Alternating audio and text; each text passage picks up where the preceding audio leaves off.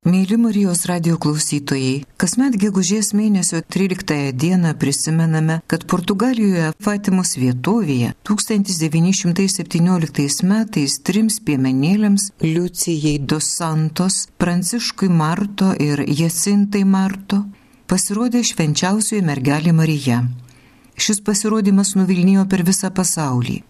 Katalikų bažnyčios buvo įvertintas kaip antgamtinis ir tapo patikimu ženklu, kad Dievo motina Marija strupiai rūpinasi viso žmonijos dalę, kiekvienu iš mūsų.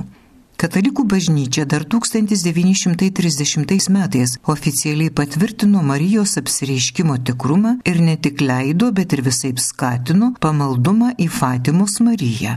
1930 metais Lyrijos vyskupo Jose Alves Koreja da Silva, kurio viskupijoje yra Fatima vadovaujama komisija, pateikė Fatimos apsireiškimus pripažįstančias išvadas. Vyskupo pasturacinėme laiške teikta, kad nuo gegužės 13 iki spalio 13 dienos vykę piemenėlių regėjimai yra verti tikėjimu. Leidžiame viešą Fatimos Dievo motinos kultą. Bažnyčia ėmė skatinti pamaldumą rožinio karalieniai. Marija, rožinio karalienė, melski už mus. Taip daugelis kreipiasi į mergelę Mariją ir meldžiasi rožinio malda, varstydami šios maldos karoliukus, taip indami maldų tarsi gražiausių rožių vainiką Dievo motinai. Portugalijoje esanti nuo šalia Fatimos vietovė tapo žinoma visame pasaulyje. Ten pastatyta švenčiausiosios mergelės Marijos garbė pašvesta šventovė yra viena žinomiausių pasaulio marijinių šventovių - Greta Lurdo Prancūzijoje, Gvadalupės Meksikoje, Čenstakavos Lenkijoje ir kitų. Ja kasmet aplanko per 3 milijonus piligrimų. Po visą pasaulį paplito tradicija net ir kiekvieno mėnesio 13 dieną pašvesti švenčiausiosios mergelės Marijos garbiai Taip pat ypač šeštadienius, ypač pirmuosius mėnesio šeštadienius skirti pamaldumui švenčiausiąją mergelę Mariją puoselėjimui. Kiekvieno mėnesio 13 diena iškilmingai sutraukiama ir Šilvoje, kur taip pat yra pasirodžiusi mergelė Marija. Taigi 1917 m. gegužės 13 Fatimos vietovėje švenčiausiai mergelė Marija regimų pavydalų pasirodo trims vargingiems piemenėlėms ir juos užkalbina vietinė kalba. Liucija buvo vyriausiai iš trijų regėtojų, jai tada buvo dešimt metų, Pranciškui devyneri, Jacintai septyneri metai. Apreiškimai šiems vaikeliams kartojosi kas mėnesį iki spalio 13 dienos. Pagrindinė Marijos žinia per piemenėlius perduota žmonijai buvo raginimas atsiversti, atgailauti. Viename iš pasirodymų Marija vaikams sakė, jog ji yra šventojo rožinio karalienė. Švenčiausioji mergelė vaikams sakė, kad jei žmonija nesivers, jei ištiks didelės nelaimės, ragino kalbėti rožinį, melstis už taiką ir už nusidėjėlių atsivertimą. O tai, ką vaikai konkrečiai regėjo ir matė, vadinama trimis Fatimos paslaptimis, kurių Marija prašė neskelbti. Tik 1941 metais Liucija užrašė pirmas dvi, o po trejų metų ir likusią paslaptį perdavė vietos vyskupui, o šis popiežiui. Dvi buvo atskleistos netrukus, o trečioji tik 2000 metais. Apreiškimų pradžia Pirmieji prieškimai Fatimoje prasidėjo dar 1915 metais. Tai buvo pirmieji trys neryškus angelo apsireiškimai mažiems vaikams. Vaikai papasakojo apie tai tėvams, tačiau pastarieji jais nepatikėjo ir juos sugėdėjo. Daugiau dėmesio sulaukė 1916 įvykę angelo apsireiškimai. Buvo 1916 m. vasara, kai trys dviejų šeimų vaikai drauge ganė avis.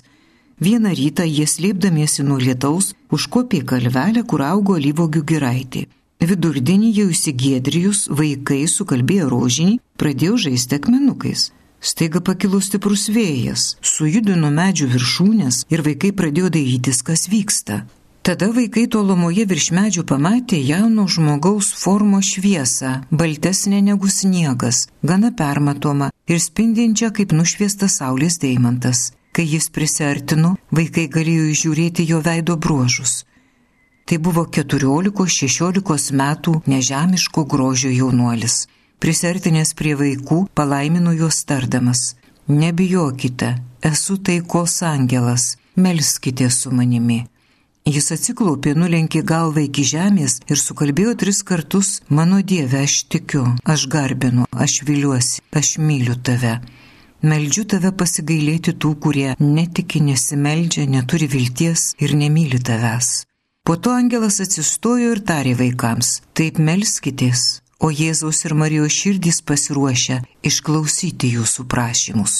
Po regėjimo matytas angelas pradingo, vėliau Liucija prisiminė.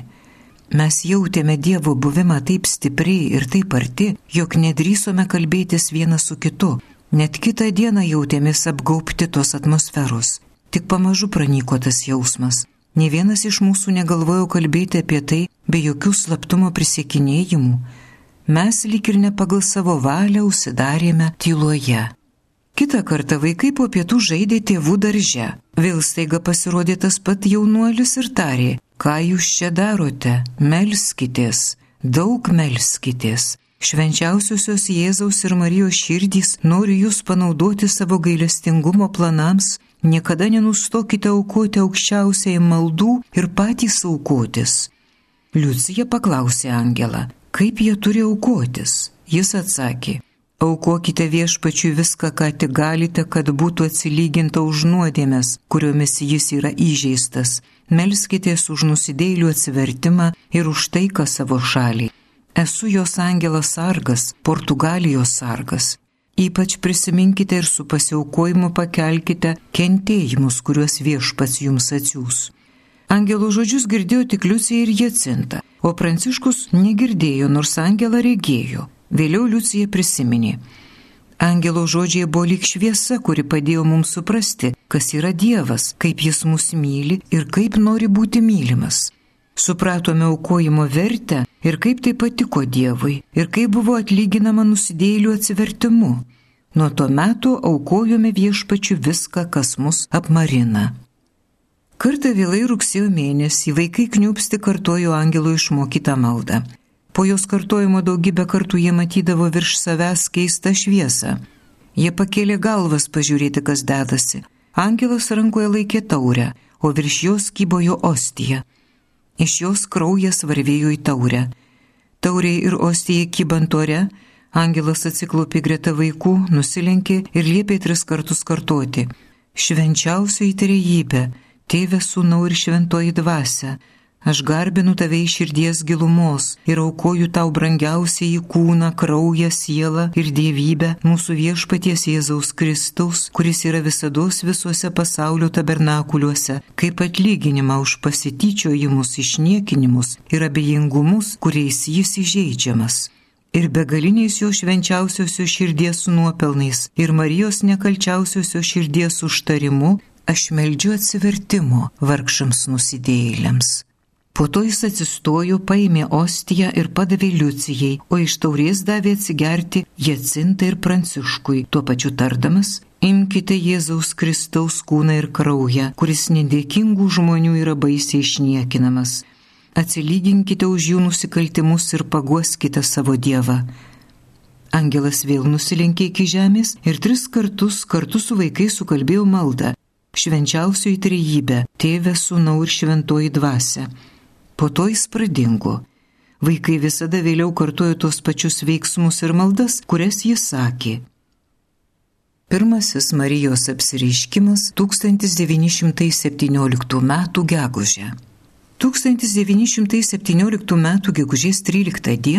mūsų švenčiausiojo sakramento mergelės šventės rytą trys vaikai išginė avių bandą praėjo Fatimą, kur buvo parapijos bažnyčia ir kapinės, ir keliavo apie kilometrą link Kovade Irijos šlaitų. Jie ramiai leido savo avims ganytis, patys žaisdami ganykloje nusėtoje pavienių ažuolų. Apie vidurdienį jie papietavo ir nusprendė sukalbėti rožinį. Nors ir trumpindami jį, sakydami tik pirmuosius kiekvienos maldos žodžius. Netrukus jie buvo išgazdinti žaibu iš gėdro dangaus, kaip jie tai vėliau nusakė. Galvodami, kad tuoj prasidės liūtis, jie pradėjo svarstyti, ar reiktų vesti vis namo. Besiruoždami ir besileisdami, jie vėl buvo nustebinti keisto šviesos. Šlaito pusiaukelėje netoli ažuoliuko Dabar tai didelis ažulas apjuostas tvorelė. Vaikai pamatė dar vieną šviesos blyksnį ir už kelių žingsnių kito ažuliuko viršuje baltai apsirengusią mergelę, šviečiančią skaiščiau negu saulė, skleidžiančią aiškios ir intensyvios šviesos spindulius, lyg krištolinė taurė pilna tyro vandens peršviečiamo saulės. Jie sustojo apstulbinti prieškimo, jie buvo taip arti, apšviesti ją gaubiančių šviesos, tikriausiai metro ar pusantro atstumu. Įsigandusiems vaikams ji tarė, nebijokite manęs, aš nenuskriausiu jūsų. Liucija paklausė, iš kur ji. Marija atsakė, aš esu iš dangaus. Mergelė vilkėjo tyro baltumo mantiją pauksuota galuose, kuri leidosi iki jos pėdų. Jos rankose rožinio karoliukai spindėjo kaip žvaigždės, o kryželis lyg spinduliuojantis brangakmenis. Liucija nejautė baimės, mergelės buvimas jai kėlė tik džiaugsmą ir linksmumą. Ji paklausė, ko tu norėtum iš manęs. Regėjime Marija tarė, atvykau paprašyti jūsų, kad čia ateitumėte šešis mėnesius iš eilės kiekvieno mėnesio 13 dieną, tuo pačiu metu. Vėliau jums pasakysiu, kas esu ir ko labiausiai noriu. Ir aš sugrįšiu čia dar septynis kartus. Apsireiškusioji su vaikais kalbėjusi keliolika minučių. Vaikams sukalbėjus maldelę švenčiausioji trejybę ji paragino. Kasdien kalbėkite rožinį už pasaulio taiką ir už karo pabaigą. Po tų žodžių ji pakilo į rytų pusę ir tolumoje išnyko. Vaikai nusprendė apie regėjimą niekam nepasakoti, bet jie atsinta savo mamai viską išpasakojo. Pasklidus gandui apie apsireiškimą daugelis netikėjo ir tyčiojosi iš vaikų. Tik jie sintos tėtis buvo linkęs patikėti vaikų nuoširdžių pasakojimu. Liucijai mama liepė paneigti tą atsitikimą, o kai Liucija nepaneigė, buvo barama ir mušama. Visi namiškiai laikė ją melage ir tik apsireiškusiosios žodžiai buvo jai pagoda labai kentėsi, bet Dievo malonė bus tau paguoda ir stiprybė. Antrasis Marijos apsireiškimas įvykęs 1917 m. Birželio mėnesį. Birželio 13 Portugalijoje yra Šventojo Antano iš Paduvos ir iš Lisabono šventė. Ji buvo ir yra vaikų šventė. Taigi Liucijos tėvai tikėjosi, jog šventojo iškilmės nukreips vaikų dėmesį nuo sutarto susitikimo Tačiau vis dėlto Liucija ir abu Marto vaikai nuvyko į susitikimo vietą vidurdienį. Jiems atėjus, jų jau laukė maža grupelė žmonių. Jie visi sukalbėjo rožinio maldą ir po to vėlgi pamatė šviesos spindėjimą ir mergelę Mariją. Liucija paklausė, ko po nenorinti iš jos. Marija tarė, noriu, kad ateitum ir kito mėnesio 13 dieną kalbėk rožinį, o po kiekvienos paslapties mano vaikai pridėkite tokią maldelę. O mano Jėzau, atleisk mums mūsų kaltes, apsaugok mus nuo pragaro ugnies, nuvesk į dangų visas sielas, o ypač tas, kurioms labiausiai reikia tavo gailestingumo. Turi išmokti skaityti ir rašyti, o vėliau pasakysiu, ko dar noriu iš tavęs. Liucija paprašė, kad ponia taip įvadino Marija dar nesuprasdama, ką mato, juos pasiimtų į dangų. Taip, atsakė apsireiškusioji, netrukus paimsiu Jacintą ir Pranciškų, bet tu čia pabūsi ilgiau, kadangi Jėzus nori panaudoti tave, kad skelbtum apie mane, kad būčiau žinoma ir mylima. Jis nori, kad įdėktum žmonėms pagarbą mano nekaltai širčiai. Liucijai dėl tų žodžių nuliūdus jį klausia, ar aš turiu likti pasaulyje viena, Marija atsakė, ne viena mano vaikeli, ir tu neturėtum nuliūsti, aš visada būsiu su tavimi, ir mano nekaltoji širdis tau bus užuovėje ir kelias, kuris ves tave pas Dievą. Po šių žodžių jie atvėrė savo delnus ir iš jų vaikus persmelkė ryški šviesa. Joje vaikai jautėsi lyg persmelkti Dievu. Jacinta ir Pranciškus atrodė toje šviesos dalyje, kuri kilo į dangų, o Liucijos klido virš žemės. Tada ponia vaikams parodė erškiečiais apipintą savo širdį, sužeistą žmonių nuodėmių, trokštančią atlyginimu. Po to ji vėl išnyko. Kartu su vaikais buvę žmonės žinojo, kad įvyko kažkas neįprasto. Jie matė žaibavimą, kai kurie saulės pritemimą, kiti pilką debesėlį, kuris atėjo ir išnyko. Tačiau vaikams šeimose nebuvo lengva. Ypač jų motinos sunerimo, kad įvykiai neišplistų. Taip pat prie to prisidėjo ir parapijos kunigo įtarinėjimai dėl demoniškų įtakų. Trečiasis Marijos apsireiškimas įvykęs 1917 m. Liepos 13 d. Besirtinant Liepos 13-ąjį, Liucija svarstė nebeiti į susitikimą, nes klebonas ir jos motina įtikinėjo, jog visa tai esanti velnio apgaulė. Ji prasitarė Jacintai ketinanti nebeiti. Tačiau, kai priartėjo žadėto apsireiškimo valanda, Liucijai staiga dingo visos abejonės ir vaikai iškeliavo į kovą. Liepos 13 dienos apreiškimas buvo gana ypatingas. Per jį buvo pateikta paslapti susidedanti iš trijų dalių, kurią vaikai ypač saugojo. Laikydamos rankoje šventintą žvakes vaikus nulydėjo ir jų motinos bei Jacintos ir Pranciškaus tėvas, kuris savo vaikais tikėjo ir juos palaikė. Sukalbėjus rožinį, saulė uždengė migla ir atvėso oras. Buvo susirinkę apie penkis tūkstančių žmonių, iš kurių daugelis sakė išvykę žaibo blyksnį, baltą šviesą virš medžio ir girdėję užėsi. Pasirodžiusi ponia vaikus vėl paragino kasdien kalbėti rožinį. Kai Liucija paklausė, kas ji ir paprašė kokio nors nepaprasto ženklo, kurį visi galėtų pamatyti, ponė pažadėjo spalio mėnesį padaryti stebuklą, kad visi patikėtų. Padrasėjusi Liucija pradėjo dėti prieš mergelę jai įtikėjusių žmonių prašymus padėti. Mergelė švelniai pasakė, kad kai kuriems jų padės, tačiau kitų negalinti pagydyti. Vis dėlto jie turėtų užtikrinti, kad kiekvieną dieną kalbės rožinio maldą. Kitai ligoniai mergelė Marija pasakė, žinanti jos kančias, kad neskubėtų ir aukotų Dievui visus skausmus už nusidėlių atsivertimą, pridedant tokią maldą. O mano Jėzau, tai yra dėl tavo meilės už nusidėlių atsivertimą ir atsilyginimą už nuodėmės padarytas prieš nekaltąją Marijos širdį. Tai sakydama, jis skleidė rankas su jos delnuose pasirodžiusi šviesa, nusileido į žemės gelmes ir vaikams parodė pragarė kenčiančias sielas. Sesuo Liucija rašo mačiusi didelę ugnies jūrą, kurioje plaukiojo liepsnuose panardinti velniai ir sielos, lyg jos būtų peršviečiamos juodos ir rusvai žaižaruojančio žmogaus pavydalo anglys. Liepsnos kilo iš jų vidaus kartu su dideliais dūmų šuorais. Vaikų sustingdė jų skausmo bei nevilties šauksmai ir staugimas, jie ėmė drebėti iš baimės. Tikriausiai šis vaizdas taip išgazdino Liuciją, kad ji pradėjo rėkti, kaip žmonės vėliau liudijo ją darant. Demonai buvo kraupių pasibjaurėtinų formų, atrodė kaip baisus nepažįstami gyvūnai, tačiau permatomi ir juodi kaip degančios anglys. Liucija rašė, kad jei ne Marijos pažadas pirmo apsireiškimo metu nuvesti juos į dangų, būtų mirę į siaubo.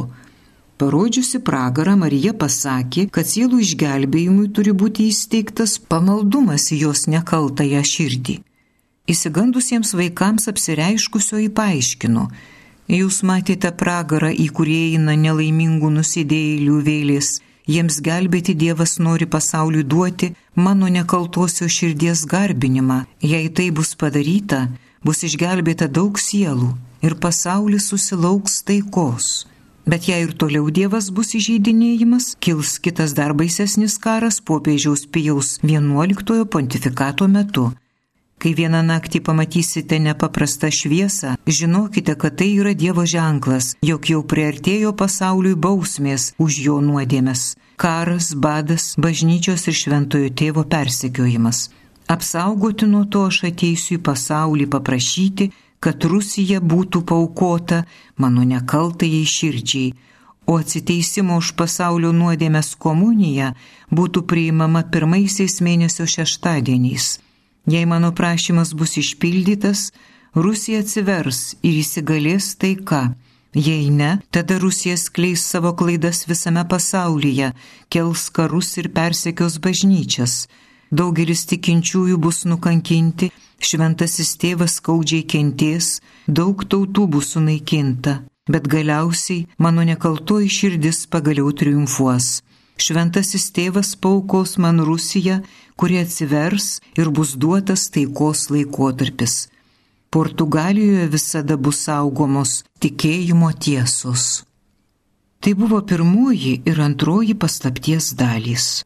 Vėliau 1938 m. sausio 28 d. buvo matoma šiaurės pašvaistė, naujo karo ženklas.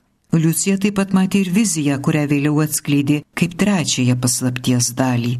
Marija sakė, prisiminkite, apie tai niekam nesakykite įskyrus pranciškų. Kai melsitės rožinio maldą, po kiekvienos paslapties sakykite, o mano Jėzau, atleisk mums mūsų nuodėmes, apsaugok mus nuo pragaro ugnies, nuvesk į dangų visas sielas, o ypač tas, kurioms labiausiai reikalingas tavo gailestingumas. Ir tada mergelė atsisveikinusi pradėjo tolti rytų pusėn, kol galiausiai išnyko. Matytas pragaro vaizdas vaikus labai paveikė, jiems dingo noras žaisti ir linksmintis, net šešiametė Jacinta, neturinti platesnių žinių apie mirtinas nuodėmes, pradėjo kalbėti labai rimtus dalykus. Turime daug melstis už nusidėlius, kad apsaugotume juos nuo pragaro, tiek daug jų ten eina. Kaip lengvai jie gali jo išvengti, valdydami liežuvį ir lankydami šventasis mišes, gaila jų, o kad galėčiau jiems parodyti pragarą. Vaikai nesuprato, kas ta Rusija ar kas ta šventasis tėvas, juo labiau pragaras. Manėme, kad tai vilgudopė, į kurią patenka darantieji nuodėmės ir neinantieji iš pažinties, savo prisiminimuose rašė Liucija. Vaikai už nusidėlių atsivertimą pradėjo savanoriškai aukotis, net susilaikydami nuo žaidimų, maisto ir vandens. O Liucijai teko dar daugiau išbandymų. Jana miškiai dėl tų regėjimų išjuokdavo, motina mušė, kaimynai visai pravardžiavo. Žmonių klausinėjami apie išgirstas paslaptis, vaikai nieko nesakė, netgi dvasininkams. Dėl dalyvaujančių prieškimuose žmonių skaičiaus taip pat sunerimo ir vietinė sekuliari antidvasiška valdžia, bandydama supriešinti bažnyčią ir žmonės kaip dalyvaujančius apgavystėje. 1984 metais Jonas Paulius II, kaip prašytas regėtojos, paukojo visą pasaulį Marijos nekaltai širdžiai. Apšviesk ypač tas tautas, kurių pašventimo ir paukojimo tu iš mūsų lauki Tokiu būdu nurodyta į Rusiją, kurios pavadinimas atskirai liko nepaminėtas. Ketvirtasis Marijos apsireiškimas 1917 m. rūpiučio mėnesį. Iki 1917 m. rūpiučio mėnesio gana plačiai pasklido garsas apie Marijos apsireiškimus. Vaikų pasakojimai apie jų regėtą moterį skaičiai spindinčiais rūbais suarzino vietos valdžią. Artimiausio miesto Villanova de Aurem meras, apsimetęs gerų pretekstų, jog nori vaikus saugiai nuvežti, tuo tarpu vaikus suėmė ir bandė papirkti kyšiais, įtikinėti, kad Marijos apsireiškimų istorija tai tik paauglių prasimanimai. Galiausiai jie buvo įkalinti su kitais kaliniais. Tačiau ir tai vaikų nepalaužė, nepaisant jų amžiaus, tikėjimas mergelė Marija ir drąsa buvo nepalaužiami. Visgi trys piemenėliai negalėjo susitikti su Marija sutartų laiku rūpiučio 13-ąją. Nors vaikų nebuvo, bet regėjimų vietoje susirinko tūkstančiai žmonių, kurie meldėsi ir gėdojo.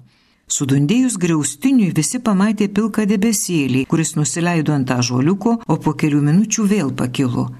Po to pasirodė vaivorykštė. Žmonės suprato, kad ponė vėl buvo atvykusi, bet neradusi vaikų, grįžo į dangų.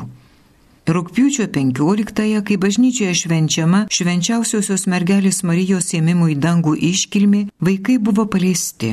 Rūpiučio 19 dieną, sekmadienį po šventų mišių, jie visi ganė avelės vietoje prie to pačio kalnelio, tik priešingoje Aljustrelio miestelio pusėje, kur pasirodydavo angelas ir sukalbėjo rožinį. Apie 16 val.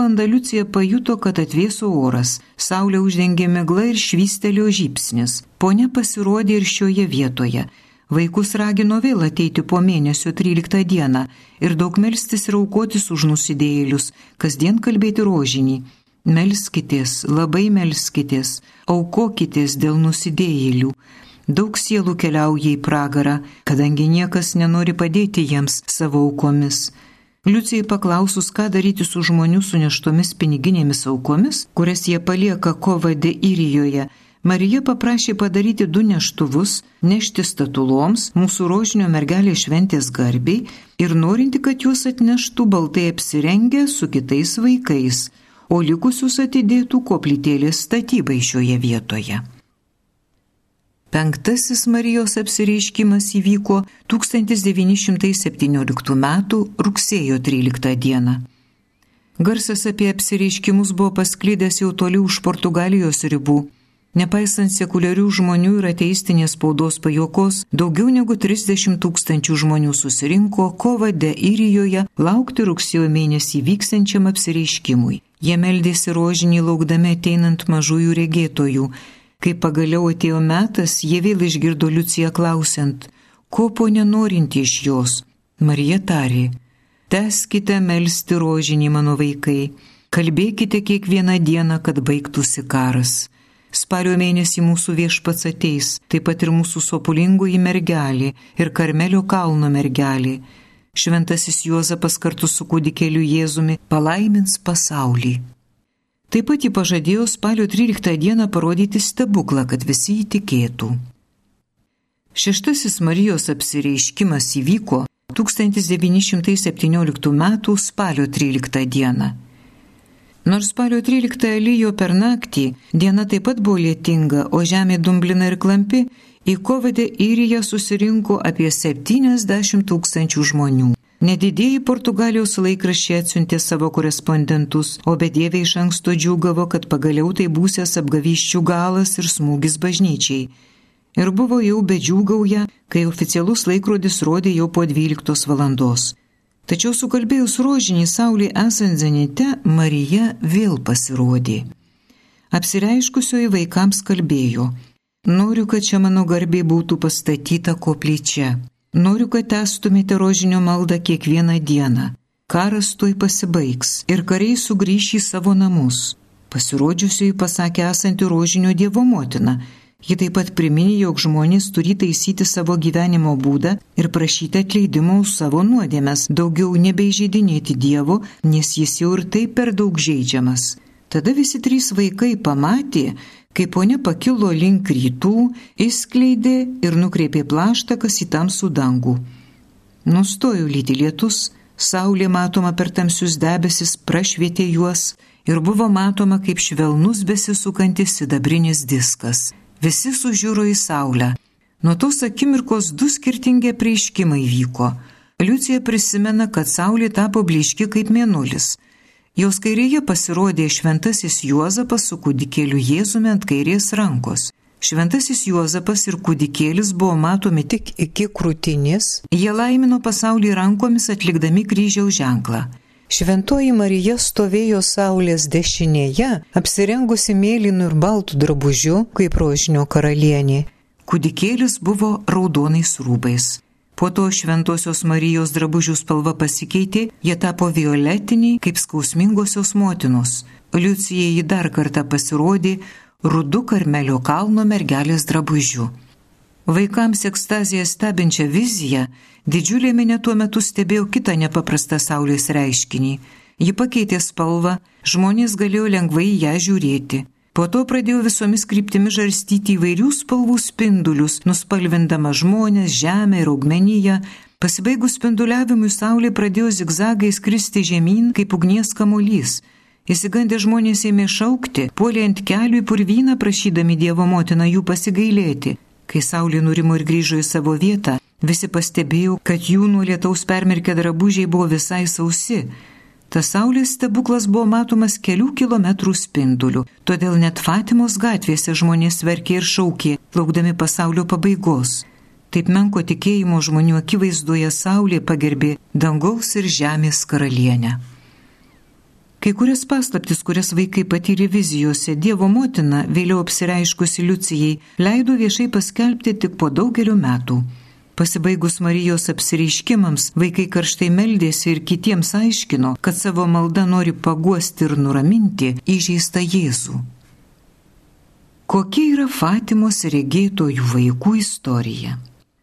Pranciškaus seseriai Jacintai greit buvo lemta daug kentėti, Beveik dviejus metus trukusią lygą maža mergaitė pakėlė kupina herojiškos ramybės, savo skausmus aukodama, kaip Marija prašė, už pasaulio taiką ir nusidėjėlių atsivertimą. Pranciškus mirė 1919-aisiais, sulaukęs 11 metų. Jacinta 1920-aisiais, nesulaukusi nei 10 metų. Vyriausioji Liucija, sulaukusi 18, stojo vienuolyną pirmiausiai pas Daratietes, o 1948 metais Liucija perėjo pas Karmelites.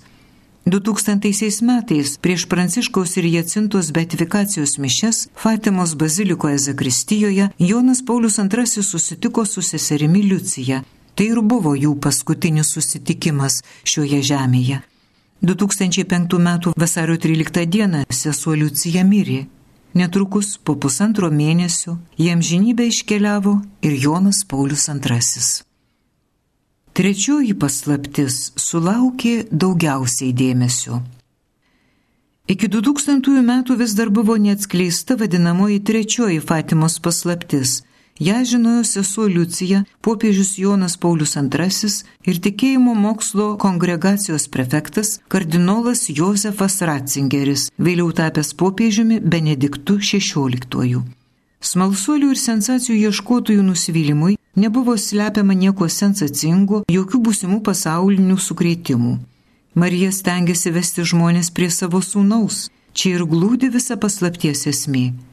Marija pasirodė piemenėlėms didžiajam pasauliu nežinomiems vaikams ne tam, kad sukeltų sensaciją, bet per šių mažutėlių liudijimą paragintų pasaulį į atsivertimą. Bažnyčia ir šiandien ragina išgirsti Fatimos Marijos kvietimą - atgailauti, melstis už bažnyčią, už kunigų šventumą, už nuodėmėje gyvenančių žmonių atsivertimą ir už pasaulio taiką. Vadinamoji Fatimos paslapties trečioji dalis Vienos iš trijų piemenėlių, mačiusių 1917 metais apsireiškusią mergelę Mariją, sesers Liucijos užrašyti regėjimai. Tai trumpas tekstas portugalų kalba. Fatimos vyskupo prašymu sesers Liucijos parašytas 1944 metais, perduotas popiežiui ir iki 2000 metų laikytas paslaptyje. Fatimos paslaptis daugiau nei penkis dešimtmečius kurstė žmonių smalsumą, skatino visokius spėliojimus ir apaugo apokaliptinėmis pasaulio pabaigos laukimo legendomis, dėl to ir jos pristatymas susilaukė didelio net pasaulietiniai žiniasklaidos dėmesio. Štai jūsų dėmesio kiek sutrumpintas laisvas sesers Liucijos užrašyto regėjimo teksto vertimas. Liucija rašo. Matėme švenčiausiąją mergelę ir šalia jos kiek aukščiau angelą, kairėje rankoje laikantį ugnies kalaviją, kuris atrodė greit padegs visą pasaulį. Tačiau liepsnus geso nuspindėjimo sklindančio iš mergelės Marijos dešinės rankos. Angelas dešinę ranką parodė į žemę ir garsiai tarė - atgaila, atgaila, atgaila. Matėme vyskupą dėvinti baltais rūbais supratome, kad tas vyskupas tai šventasis tėvas. Draugė su juo ir kiti vyskupai, kunigai, vienuolės ir vienuoliai kopė į statų kalną, kurio viršūnėje buvo kryžius, surestas iš netašytų ažolinių rastų su žieve. Prieš kopdamas į kalną šventasis tėvas, visas drebantis ir sviruojantis, slegiamas skausmo ir kančios, ėjo per pusiau sugriautą didelį miestą ir meldėsi jų sielas mirusiųjų, kurių lavonai gulėjo pakelėje, Užkopęs ant kalno jis parpuolė ant kelių prie to didelio kryžiaus ir jį nužudė būrys kareivių, kurie šaudė kulkomis ir strėlėmis. Lygiai taip pat buvo nužudyti ir viskupai, kunigai, vienuoliai ir daug pasauliečių, įvairių luomų ir skirtingos kilmės vyrų ir moterų. Prie kryžiaus buvo du angelai, kurie į stiklinius indus sėmė kankinių kraują ir juo šlaksti prie Dievo besertinančias sielas. Mergelė Marija vaikams tai pranešė apie bažnyčios laukiančius persekiojimus.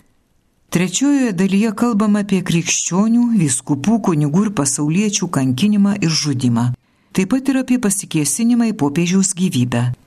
Kai 1944 metais Liucijos parengtas regėjimo aprašymas buvo įteiktas popiežiui Pijui XII, jis kaip mergelė Marija prašė, paukojo Rusiją jos nekalčiausiai širdžiai.